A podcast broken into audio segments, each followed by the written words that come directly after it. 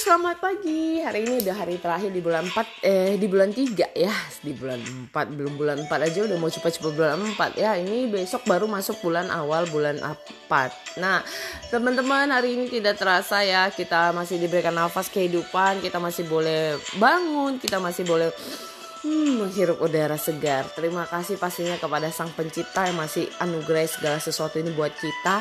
Khususnya di saat pandemik ini kita masih boleh sehat ya. Nah kali ini teman-teman saya ingin berbincang kepada anda semua tentang bagaimana sih uh, caranya belajar online. Pernah gak sih anak-anak di saat pandemik gini mereka ngoceh mereka ngeluh gini aduh mas saya udah capek nih tiap hari online kapan yang bisa sekolah offline aja kapan bisa ke sekolah ketemu teman-teman? Pasti banyak rasain ya. Di saat saya membuka sesi-sesi kelas saya juga banyak uh, parents atau anak-anak yang bilang aduh udah bosan online dan sebagainya namun bagaimana cara saya bersyukur kelas-kelas yang mereka ikuti membuat mereka enjoy fun. Saya membebaskan mereka. Jadi di kelas saya mereka boleh mau makan, mau sambil uh, minum silakan. Yang penting mereka tidak lagi main game, rebahan dan sebagainya.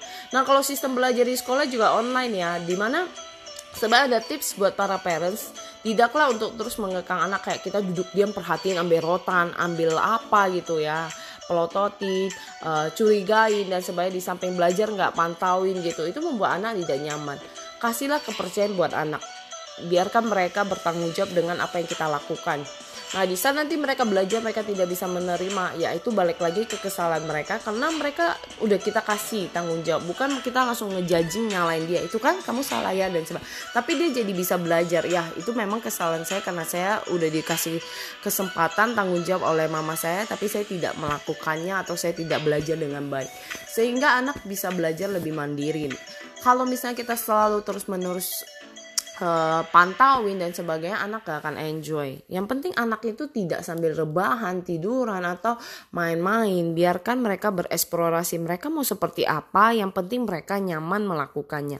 Belajar itu harus fun ya para parents. Seperti anda ingin melakukan sesuatu anda pasti anda pasti tidak ingin diganggu atau ada hal-hal yang di sekitar anda yang kayak annoying buat diri anda. Justru anda cari cara bagaimana buat anda diri anda nyaman gitu kan. Nah makanya penting buat kita untuk biarkan anak uh, kasih suasana yang enak juga happy. Mungkin bisa buat sarapannya enak buat anak juga senang gitu kan. Jadi belajar juga lebih semangat. Jadi buat para parents tidak perlu khawatir uh, gak usah terlalu banyak protek tentang anak. Biarlah kasih kepercayaan buat anak supaya dia belajar lebih dewasa belajar lebih mandiri dan biar dia juga bisa belajar online lebih nyaman.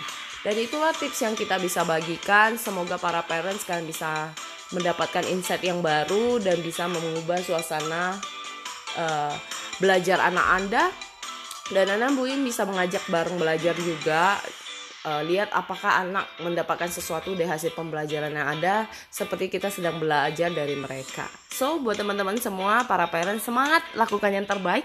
Semoga hari-hari Anda menyenangkan, menginspirasi dan boleh menjadi orang yang berdampak lebih dahsyat lagi.